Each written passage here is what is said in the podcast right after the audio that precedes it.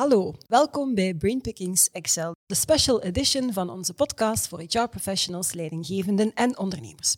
Mijn naam is Leslie, founder van Zigzag HR en iedere maand zoomen we in op een specifiek HR-topic. Deze maand is dat digitalisering en HR-tech. En voor die gelegenheid hebben we zelfs ons vertrouwde printmagazine helemaal omgevormd tot een digitaal magazine, een videomagazine. Integraal digitaal, omdat ja, het topic nu eenmaal de vorm dicteert, dachten we. Niet één keer per week, maar gedurende een maand. En dat iedere dag kruip ik in het hoofd van een centrale gast om daar ideeën, inspiratie, best en next practices te stelen waar jij mee aan de slag kan in jouw organisatie of in jouw HR-team.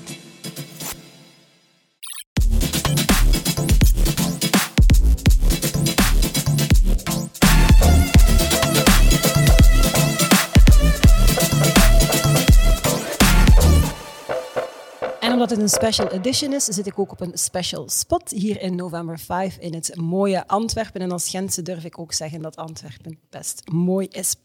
Ik heb vandaag Roeland van Dessel, afgevaardigd bestuurder van Travant, op bezoek. En Travant is gespecialiseerd in outplacement, inplacement en loopbaanbegeleiding. Dat is een vertrouwd gezicht trouwens, onze Roeland, want iedere maand connecteert hij ons met een heel interessante professional ondernemer van binnen of buiten HR.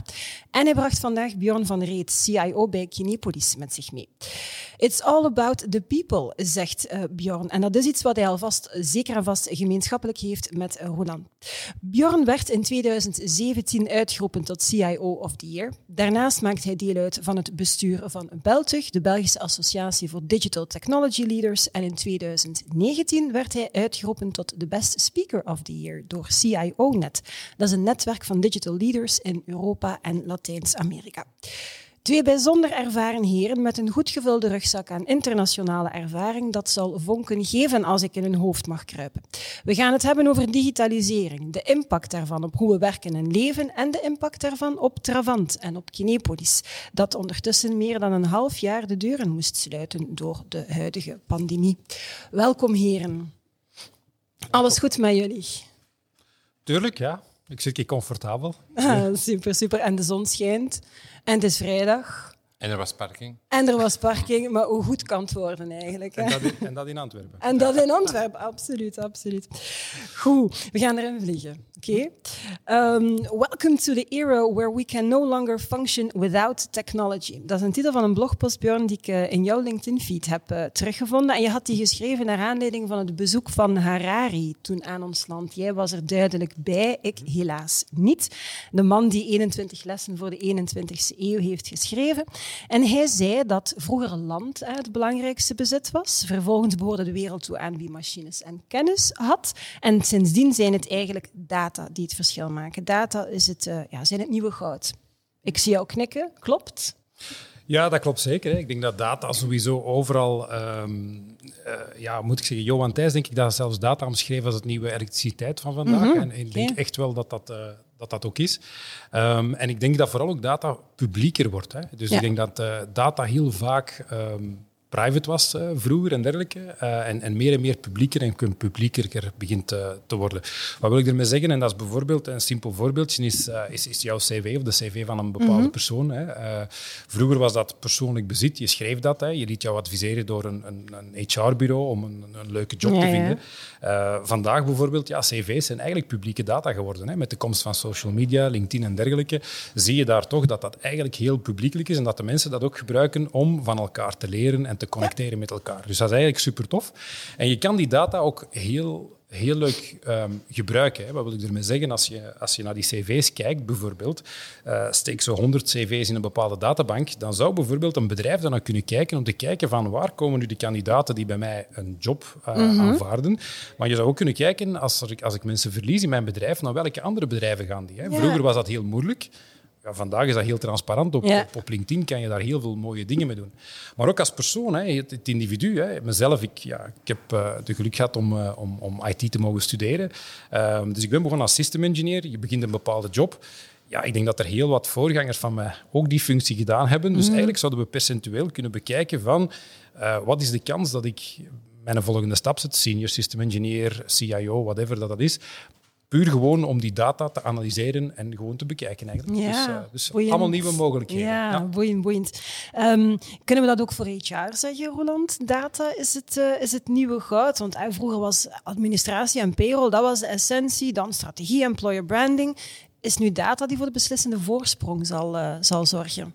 Um, beslissende voorsprong, ik denk op termijn. Mm -hmm. in ieder geval wat wij zien, is dat door het gebruik van die data, en dan denk ik aan uh, niet alleen een outplacement of inplacement, maar ook de match maken tussen cultuur, mm -hmm. tussen een aantal um, ja, willingness. En, en, met willingness wil ik zeggen het, het well-being. Uh, naar wat is die persoon op zoek? In wat soort mm -hmm. van cultuur, structuur wil die komen? En dat is vaak heel makkelijk om dat te zeggen, maar is dat analytisch ook wel juist, wat yeah. die persoon zegt? Um, en heel gekke dingen. In, uh, we zijn bezig met een heel groot bedrijf uh, in geel uh, rond het well-being. maar heel vaak gewoon op die hun Facebook-pagina's, ook op hun cv's, de hobby's fietsen. Mm -hmm. Dus als je morgen in well-being een, een soort van team-evenement mogen doen, onmiddellijk kijken welke zijn de mensen die willen fietsen, welke zijn de mensen die er eigenlijk voor geïnteresseerd zijn, maar mm -hmm. nog niet bezig zijn. Hoe kunnen we die allemaal tot een ander niveau brengen? Hoe kunnen we er een beetje cultuurmatig iets naar doen? Um, data is daarin belangrijk. We zien ja. dat ook in, um, als je kijkt, um, we hebben toch een tussen de 2000 en de 2500 uh, mensen in begeleiding per wow. jaar. Waar ze terechtkomen, is vaak makkelijk predictief te be, omdat ze komen bij ons met eigenlijk een soort van vide van uh, een van de acties die wij ook nemen is ja, laat ons nu eens een keer reflecteren naar wat je echt wilt. Wat zou je mm -hmm. nu echt plezier doen? En dan zie je dat mensen openbloeien als ze mogen praten over ja. dat willen wij nu echt doen. En dan zie je ook vaak dat je dat eigenlijk een stukje analytisch wel kunt voorspellen bij mm -hmm. wat ze echt willen doen. En ja, is het veel makkelijker en gerichter om de mensen te helpen in een bepaalde richting. Ja, ja. Absoluut, oké, mooi. Um, Bjorn, hoe heeft um, digitalisering de dienstverlening van Kinepolis de afgelopen jaren eigenlijk veranderd? Heeft dat dan bijgedragen tot de, de ultieme digital experience, als mensen naar, naar de film of de movie experience misschien zelfs? En hoe heeft digitalisering ook een impact gehad op, op hoe mensen vandaag naar films willen, willen kijken? Wat zijn zo ja, de grootste aanpassingen die jullie de afgelopen jaren hebben gezien? Tuurlijk, ik denk dat uh, digitalisatie een hele belangrijke rol speelt, mm -hmm. ook bij ons in het bedrijf. Hè. Um, wij hebben die transformatie aangevat en wat we, als je wilt transformeren, moet je eerst proberen te vereenvoudigen. Ik denk dat dat echt mm, wel een, een goede tip is, want echt ja. de complexiteit proberen te digitaliseren. Veel trajecten lopen erop vast. Hè. Mm -hmm. Dus als ik kijk naar de afgelopen jaren, hebben we eerst geprobeerd om het zo simpel mogelijk te maken, toegankelijk te maken en dergelijke.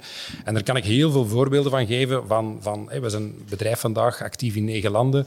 Bijvoorbeeld gewoon het betaalverkeer gaat heel digitaal, hè, want we zijn van uh, cashgeld naar, naar, digitaal geld en tegenwoordig meer het touchless verhaal gegaan ja, ja. en dergelijke. Dus heel die flow. Hè, uh, maar als je dat moet bouwen met een systeem en een afzonderlijk systeem in elk land, is dat heel moeilijk. Hè. Dus je moet echt toch proberen, uh, dat is toch misschien een, een, tip die ik echt iedereen wil meegeven, probeer het zo eenvoudig mogelijk ja. te maken om dan, om dan verder te gaan. Um, en dan denk ik ook, wat, wat zien wij heel hard in deze tijd, is dat alles online gaat. Ik bedoel, ja. wij hebben een aantal aankooppatronen. Hè. Je kan, als je naar de film wilt komen, kom je gewoon bij ons in het, in het complex. Je koopt jouw ticket en, en je beleeft de filmervaring. Uh, wij proberen dat online te trekken, zodat dat de medewerkers de keuze van de film maken online. Hè. Dus we mm -hmm. proberen ze online te verleiden. Uh, dat is natuurlijk technologie, leent zich ertoe om de ja. mensen te verleiden. Um, de moment dat je dan zegt van oké, okay, ik wil mijn ticket kopen, dan koop je het gewoon online. Uh, en dan heb je eigenlijk alles al gedaan, waardoor je zorgeloos bij ons in het complex kan ja. komen. Hè. Maar als wij tickets kunnen verkopen online, wat doet technologie ook heel goed? We kennen onze klanten heel subtiel. En natuurlijk, als we de klanten beter kennen, kunnen we ze ook beter begeleiden. Mm -hmm. En kunnen we ook zeggen van... En beter verleiden. Dat is natuurlijk... Hè, bedoel, op het moment dat je onze popcorn ja. ga je hem zeker kopen. um, maar, maar, dat is ook zo. En ik denk ook, die gedragspatronen veranderen wel. Hè. Ook van onze klanten. We zien bijvoorbeeld uh, klanten die uh, naar het complex komen, film kopen, ja, die kopen een ticket op dezelfde moment. Mm -hmm. Als je de mensen die online kopen, kopen eigenlijk een ticket vandaag om morgen naar de film te komen. Of s morgens ja. om in de namiddag te komen. Dat betekent dat wij tijd hebben om de klant te verwennen, te verleiden. Mm. Of ook gewoon het juiste personeel te zetten. Want als onze regimeplanners Absoluut. perfect zijn gesized, dan hebben we het juiste personeel om jou met een glimlach te ontvangen. Ja. En je echt te laten genieten van de experience. Ah, mooi. Roland? Ik ga dat een keer proberen met mijn vrouw. Ik denk dat de hoeveelheid data om ze te verleiden niet aanwezig is. Maar bij deze... Uitzonderingen en de regel en zo. Ja. Nu, wat mij opviel, en, en waar ik nu van spreek, is denk ik anderhalf jaar tot twee jaar geleden. Eh, anderhalf jaar tot twee jaar geleden eh, zag ik Bjorn en hij gaf mij een kaartje. En zijn naamkaartje was het, eh, het kaartje toegangsticket eigenlijk van Kinepolis. Mhm. Wat, en de eerlijkheid gebiedt mij Bjorn dat de jongste dochter geweest is met het ticket. Eh, maar wat op zich wel ongelooflijk is, en, en wa- waarom breng ik dit voorbeeld, is, ehm, stel je voor dat ik ging, de bedoeling was ik ga. Het moment dat ik ga, dat bij wijze van spreken Bjorn een sms'je krijgt, we zeggen, hey, Roland die je uitgenodigd had, of die je kaartje had gegeven, zit in eh, James Zaal, Bond ja. bijvoorbeeld. Ja. Maar welke mogelijkheden schept dit? Nu, met alle respect ja. natuurlijk voor de, eh, de personal privacy, eh, zonder enige discussie, dat is belangrijk. Maar ik geef een, een ander voorbeeld. Stel u voor de nieuwe James Bond die hopelijk eh, snel gaat komen. Ehm, ik zou kunnen weten, als ik wat meer data zou hebben, welke klanten, welke mensen kan ik ermee plezieren. Terwijl er langs de andere kant heel wat van onze medewerkers heel veel kleine kinderen hebben die ik misschien veel meer zou kunnen plezieren met een Disney-film dan een Ja. uitnodiging met eh, wat dan ook. Eén, getarget. Twee, naar satisfaction. Drie, naar herkenning. Ik denk ook dat de professionaliseringsslag in alles wat wij doen, en dan spreek ik nu even over Trevan, maar ik denk dat Kinepolis daar zeer sterk op inspeelt, ehm, ja, dat, je, dat je net iets verder kunt gaan en iets persoonlijker. Laat ons heel eerlijk zijn, ehm, zonder daar een positionering voor te doen. Maar als je kijkt, eh, en er is een reden waarom dat de bankapp van KWC al jaren de beste app eh, gekozen is. Maar als je kijkt wat de reflectie is en, en wat de mogelijkheden zijn, ja, dat is bijna een partner geworden in plaats van Ja, een bank. Ja, absoluut. Ik denk dat ze ook hun verdienmodel op een gegeven moment anders zullen moeten maken, want Mhm. het is een andere soort van service. Maar technologie is ook, ook heel leuk. En ik vind het echt ehm, super positief wat dat Roland net zei hè, over, over de naamkaartje. Dat is maar één van de, van de leuke projecten die we gedaan hebben. Wat we ook eens gedaan hebben, is bijvoorbeeld... ehm, ja, je, koopt, je koopt filmtickets voor een bepaalde film eh, van Jan Verrijde. En we hebben gewoon Jan Verrijde na de film jou laten opbellen. Hè, bedoel, dan denk je ook gewoon van die beleving hebben we gewoon Ja. doorgetrokken. Ja. Maar je hebt net de film gezien. Dus als er dan een karakter van in de film of de regisseur zelf belt om jou te bedanken van ik vond het tof dat je naar mijn film bent komen zien en dergelijke, dat geeft gewoon, ja, krijg je nu nog kippenvel Ja, van. Dat geeft gewoon kippenvelmomenten, snap je? En dat is gewoon het, het, het leuke. En daar is echt nog enorm veel mee te doen. Ja, maar daar draait het uiteindelijk om. Bij Experience dat gaat hem over moments that matter als klant. En hoe ga je dat inderdaad niet alleen op het moment zelf, maar op voorhand al, de pre-experience en ook post-experience. En hetzelfde eigenlijk ja, in, in HR, moments that matter, in gans ja, die lifecycle. Hè. Het gaat niet alleen over de mensen op het werk, maar de lifecycle, het gezin, al de gebeurtenissen die daar, eh, daarbij komen kijken. Ja, Neem bijvoorbeeld puur in eh, eh, sollicitatiegesprekken. Ik bedoel, vier jaar geleden ging ik, was ik wekelijks bijna in Amerika. eh, een Uber, vier sterren, eh, onmiddellijk feedback van een eh, Uber-rijder ook. Maar stel je voor dat je morgen een sollicitatiegesprek hebt gedaan, je komt buiten, je krijgt je een app van hey, wat vond je er zelf van? Was het technisch een juiste fit? Was het menselijk een juiste fit? X, Y en Z. Geef een aantal sterren en de recruiter aan de andere kant of het bedrijf aan de andere kant zou u op dat moment quoteren. Nu, we gaan er misschien heel snel voorbij, maar als je kijkt, als ik morgen, en mijn ouderdom is dat iets minder, maar als ik eh, twintig jaar terug zou kijken en de reflectie van bij iemand gesolliciteerd te hebben, de feedback die ik daarvan krijg, als dat morgen een brand is, gaat mijn gevoel naar die brand totaal Ja. anders zijn. Ja, Ik absoluut. bedoel, Ik eh, herinner me 15 jaar geleden dat we voor Kraft, eh, en iedereen kent de Philadelphia kaas. hè. Maar als je morgen ging solliciteren bij Kraft, dan kreeg je een aantal stalen mee. Ja? Je kwam vaak ook in een log van mensen die ooit voor Kraft gesolliciteerd hadden. En als er een nieuwe smaak was, werd uw mening van belang. Nu heel eerlijk, dat soort ehm, reflecties, wat op dat ogenblik waarschijnlijk administratief een hel was, ja, is nu veel simpeler. Je gaat een reflectie krijgen, je gaat feedback krijgen, maar je brand awareness Ja, ja. is by far totaal anders. Ik bedoel, als morgen... eh, waarschijnlijk zal mijn dochter nu een, eh een sms'je van van Bjorn gekregen hebben. Maar als morgen de erkenning, het moment dat ik door dat, dat, ga en nog maar op een popcorn sta... ja, uh, om die te kopen. En ik krijg een sms'je van Bjorn, hij is smakelijk, ik hoop dat James Bond u amuseert. Ja, die had hij van mij een sms teruggekregen, betaalde jij de popcorn, vraagt hij. Daar, daarom dat ik een sms'je naar zijn dochter stuurde. nee, maar, maar, ik denk ook wel even om dat nog aan te vullen, mm -hmm. wat Roland heel mooi illustreert, is van, ik denk dat technologie um, heel veel dingen consequent hetzelfde kan doen, kan interpreteren, heel grote volumes van data kan verwerken, wat dat voor ons als mens heel moeilijk is. Maar ik, ik wil wel staten dat technologie zal nooit um, de mens vervangen of de, de, de, de lach van een mens vervangen. Nee, dat, dat, dat subtiele en dergelijke. En ik denk dat dat wel heel goed is, dat, dat, dat we mensen hebben die, ja, die toch dat kippenvelmoment creëren met de insights die ze hebben. Hè. Technologie zal hun faciliteren. -hmm. En dan denk ik, dan is het terug aan de mensheid om het verschil ermee te maken ja. en dat kippenvelmoment te, te creëren. En, en mm -hmm. dat is een prachtige wereld, visvijver van opportuniteiten, Absoluut. speeltuin voor IT'ers, ja, maar ook speeltuin voor iedereen om, om daar leuke dingen mee te doen. Ja, om nog een toegevoegde waarde inderdaad eraan uh, aan toe te voegen.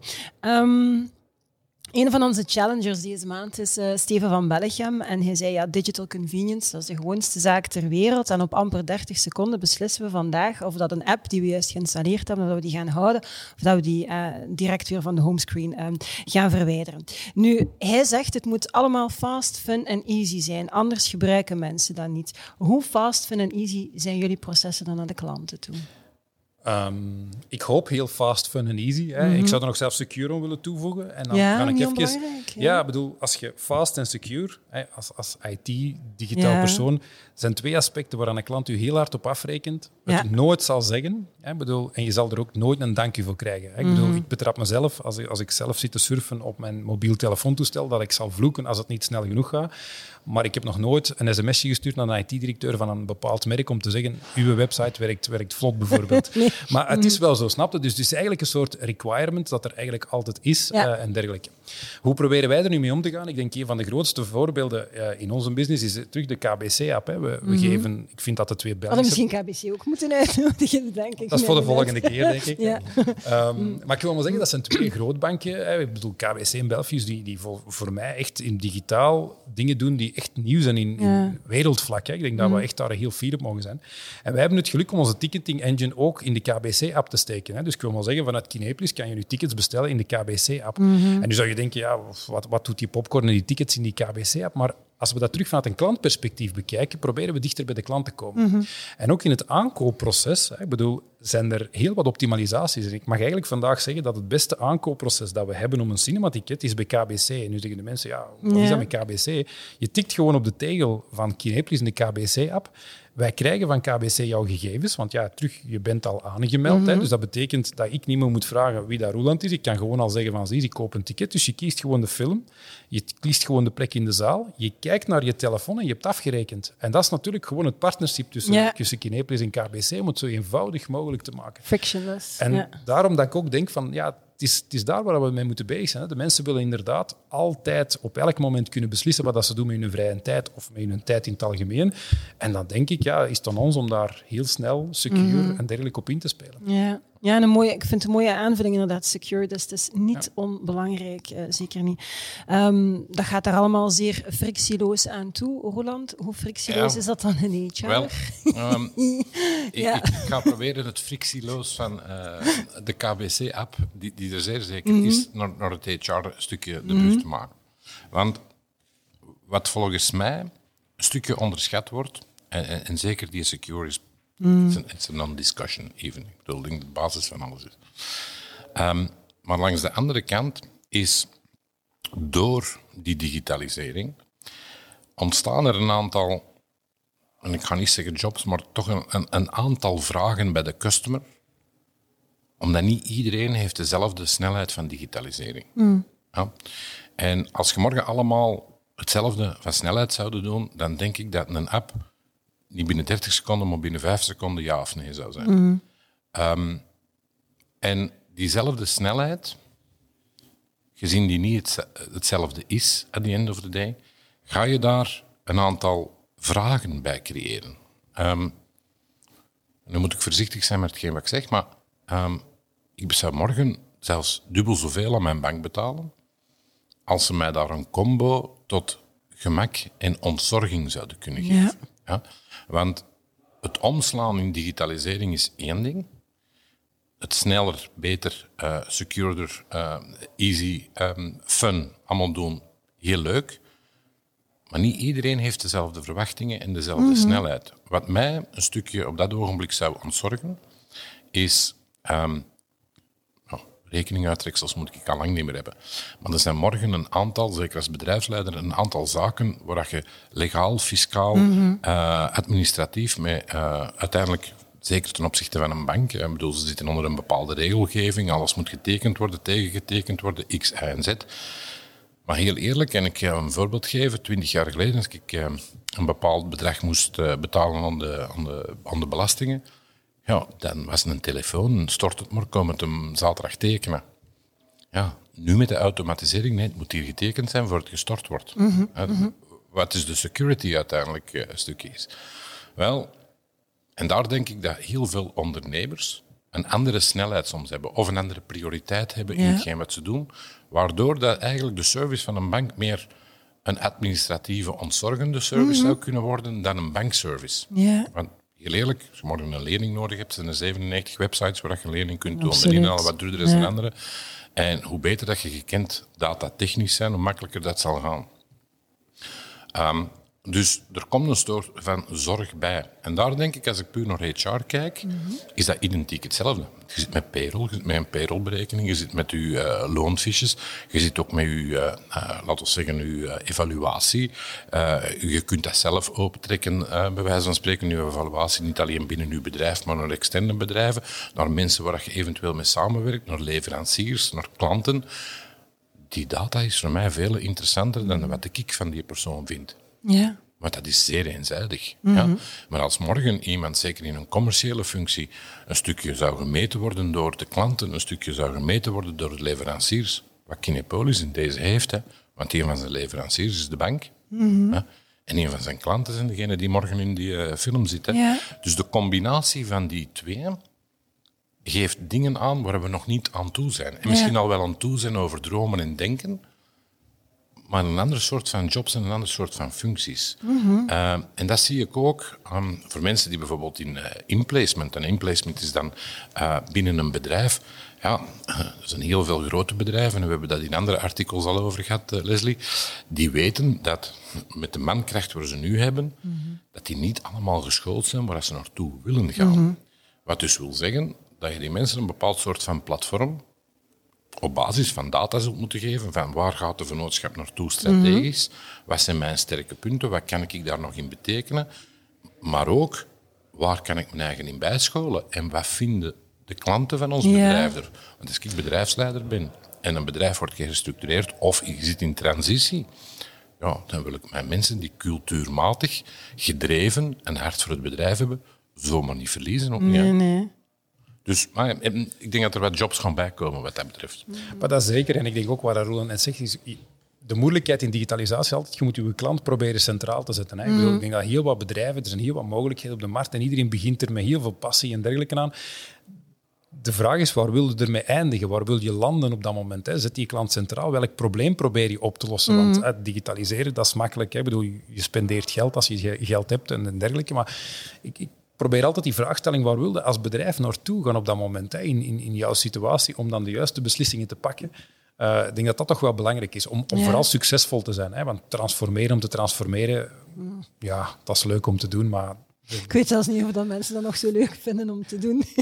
maar uh, ik snap, ik snap ja. inderdaad wat je, wat je wil zeggen. Ik vind in een insteek, Roland, ook een, zeer waardevolle dat, dat, dat bij keuzes dat je maakt naar je medewerkers ook, dat je het, het, standpunt van de klant en de leverancier en al die andere stakeholders die nu eigenlijk nog lang niet in alle bedrijven meegenomen worden, ik vind een zeer waardevolle uh, om, om een, um, een beeld te krijgen van die medewerker, waar die staat en waar die naartoe zou kunnen uh, gaan. Mooi.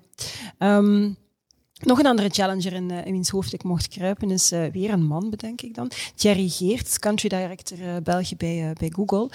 en in zijn boek Homo Digitalis, ik denk het is nagelnieuw, passeren zowel opportuniteiten als gevaren van digitalisering de revue. Maar de ondertitel van zijn boek is duidelijk positief, hoe digitalisering ons meer mens maakt. En het gesprek met hem ging dat daar ook heel sterk over. Hoe kijken jullie daarnaar? Ook vooral met een positieve insteek en mindset of toch met een aantal, oeh, pas op, pas op? Sowieso in een positieve mindset. Maar ik koppel even terug naar hetgeen wat Bjorn zei. Uiteindelijk gaat het erom hoe eenvoudig je het terug kunt maken. Want um, je in Amerika passeert, de border control, hè, staat daar overal een iPad en er staan maar drie dingen op. Een smiley, een duimpje naar beneden en een duimpje naar boven. Ja? En je hebt maar drie keuzes. Maar hoeveel mensen dat gewoon vinden van luister, ik ben hier netjes behandeld, ik heb hier serieuze vragen gekregen en ik ben hier uh, uh, met respect behandeld door border control. Boom, smiley. Ja, ik maak in mijn bedrijf heel veel tijd voor alle mensen die ons bellen voor een bevraging. Omdat ik vind, ja, we leren eruit. En dat in digitalisering doen op voorwaarde dat het weer snel, secure, X, Y en Z is, is vanzelfsprekend. Want hoe kun je nu, als je morgen ergens gaat eten en de omgeving was goed, maar het eten was niet lekker, wat ga je dan doen? Ga je niks zeggen? Ga je uit beleefdheid, zoals dat wij vaak zeggen, van, was het lekker? Ja, Ja, goed, hoor. het is gesmaakt, ja, dat is goed. Ja. Maar ga niet meer teruggaan. Ja, daar heb ik niks aan. Hè. Nee, nee. En veel liever dat je heel neutraal kunt zeggen van goede ontvangst, goede bediening, Want eten was echt niet goed. sucks. Ja. Ik bedoel, Ja.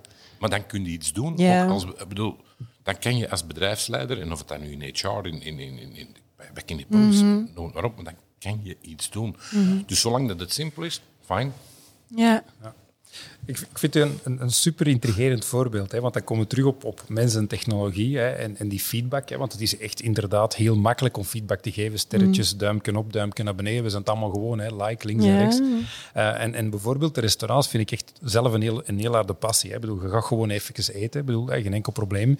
En het is heel makkelijk om aan Google te laten weten hoe dat jij het vond, het restaurant. Hè. Ik bedoel, zelfs het restaurant vraagt het niet meer, Google vraagt het voor jou. Hè. Dus je geeft daar 1, 2, 3 sterretjes op zich.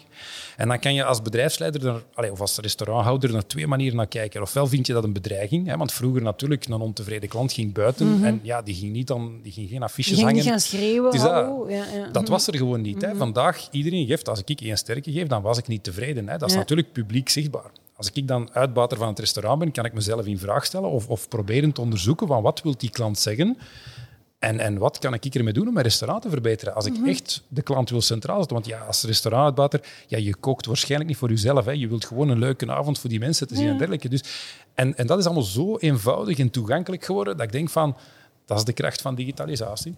Ik wil daar nog iets op zeggen. Ehm, ja, als je kijkt naar het begin van de coronaperiode en dat we ons moesten registreren in het restaurant. Nu, zonder de naam te noemen, maar het is een restaurant waar ik minstens twee keer, eh, nu met afval, het zal een pak minder zijn, maar in ieder geval minstens twee keer per week was. Wat mij ongelooflijk, maar ongelooflijk stoorde, waren twee dingen. Niet die een app invullen.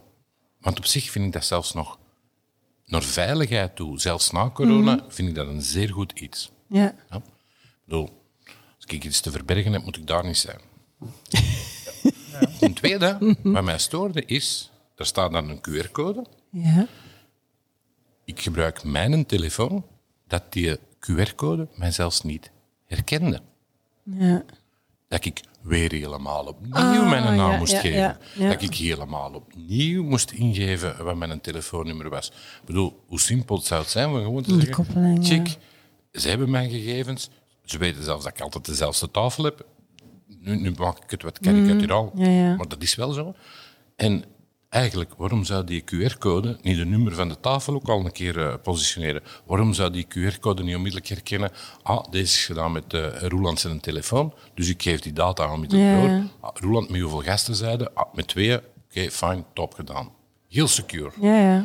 Maar nu heeft men dat heel snel gedaan. En waarschijnlijk vanuit een aantal beperkingen eh, door snelheid, maar ook door hoe, hoe gaan we hiermee om met data van de mensen. Eigenlijk had ik gewoon, het moment dat ik ene keer op die app, laat ons eerlijk zeggen, dat waren vier, vijf appjes denk ik over heel België. Als ik bij al die vijf ooit een keer gegeten had, had hij mij moeten herkennen. Dat Ja. ik niet elke keer ah, van Dissel, voornaam Roeland. eh, Qua experience. Ja, maar daar zouden onmiddellijk het niet voor doen. Maar stel u voor dat het nu heel gemakkelijk is. Zeker voor mensen die vaak gaan eten. Waarom zouden we dat niet houden? Ik bedoel, de data die bedrijven, die restaurants, die de sector, die de overheid heeft. Ik bedoel, eh, één, als ik ga eten, is bedrijfsmatig, want bedoel, moet als de vogel eten dat ik mm thuis wel liever zou weten.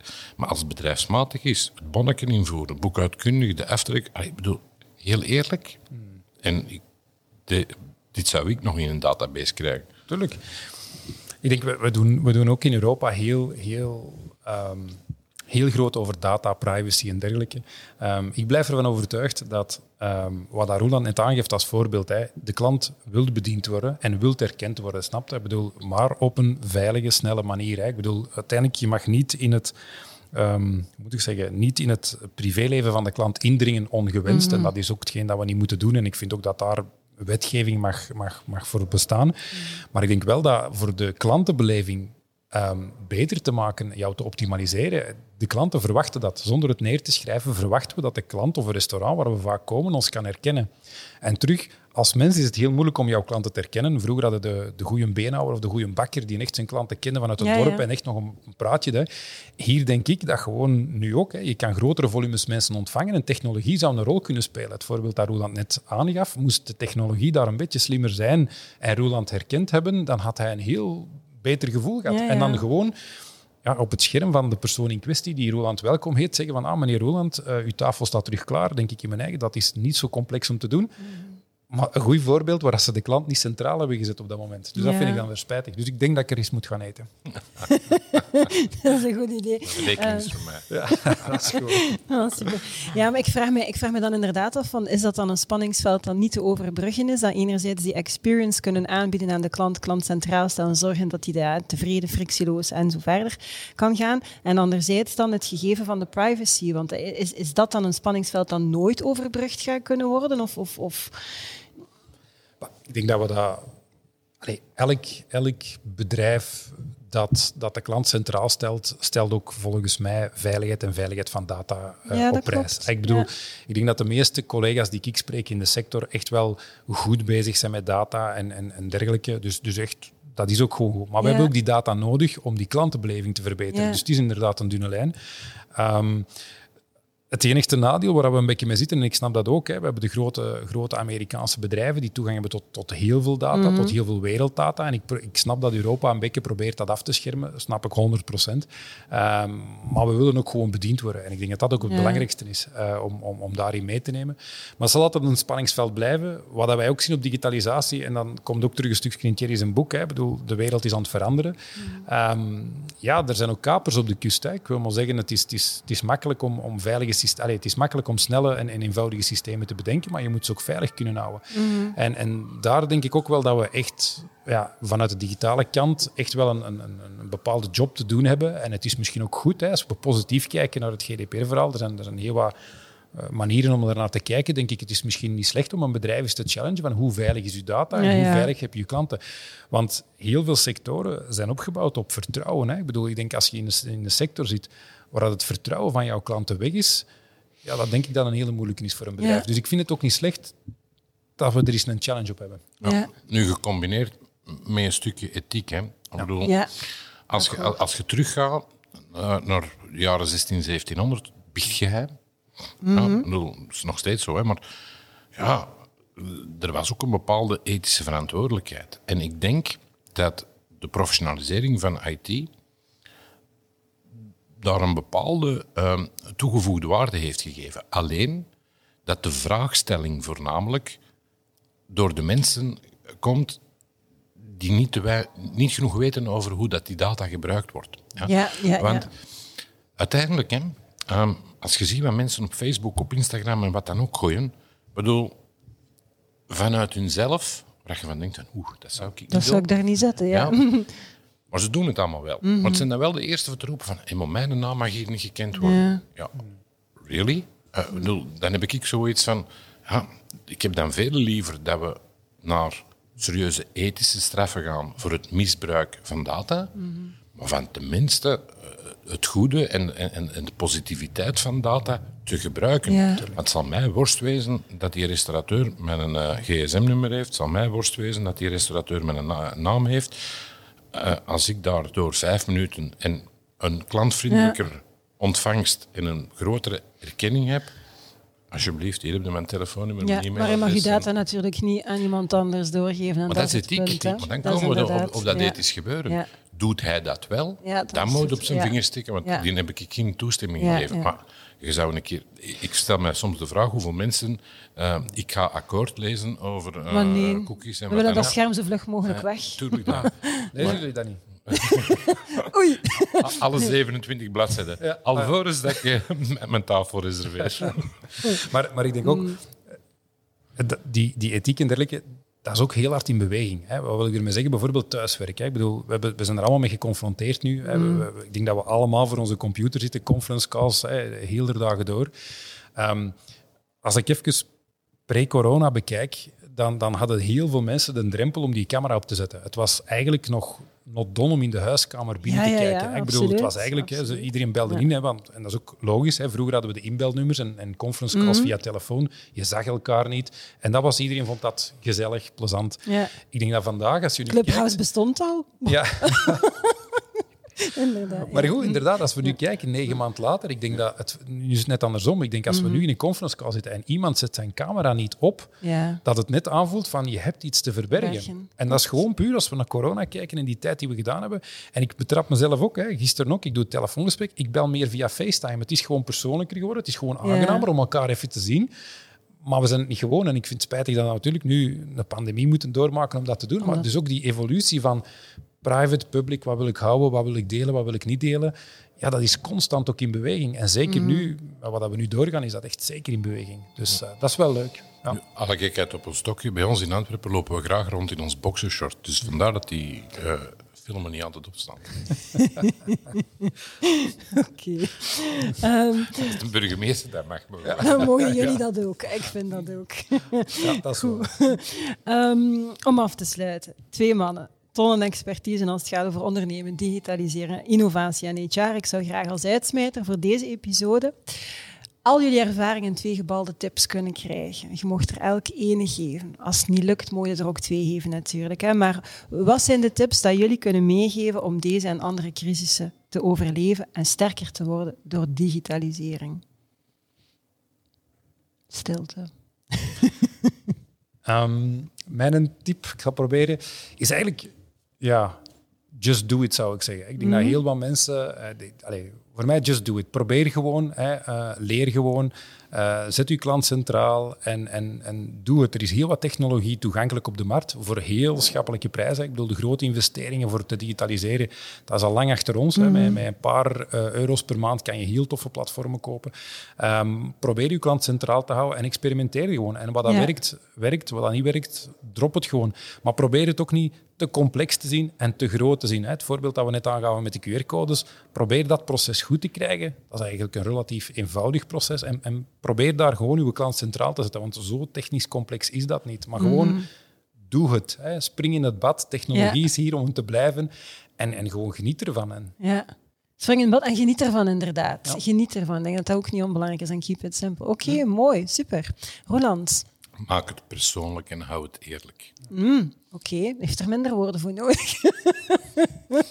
Wat ouder, hè? ja, nee, klopt, super.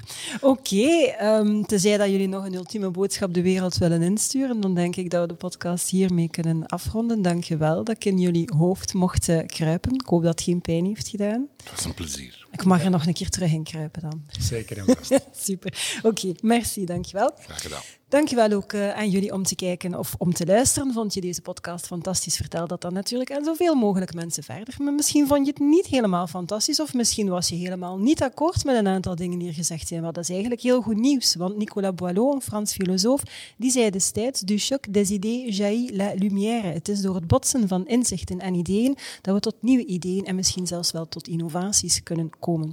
Voilà, ik denk dat we het hiermee kunnen afsluiten, deze podcast. En het allerbelangrijkste, dat weten jullie ondertussen al allemaal. It's a great time to be in HR. Tot de volgende.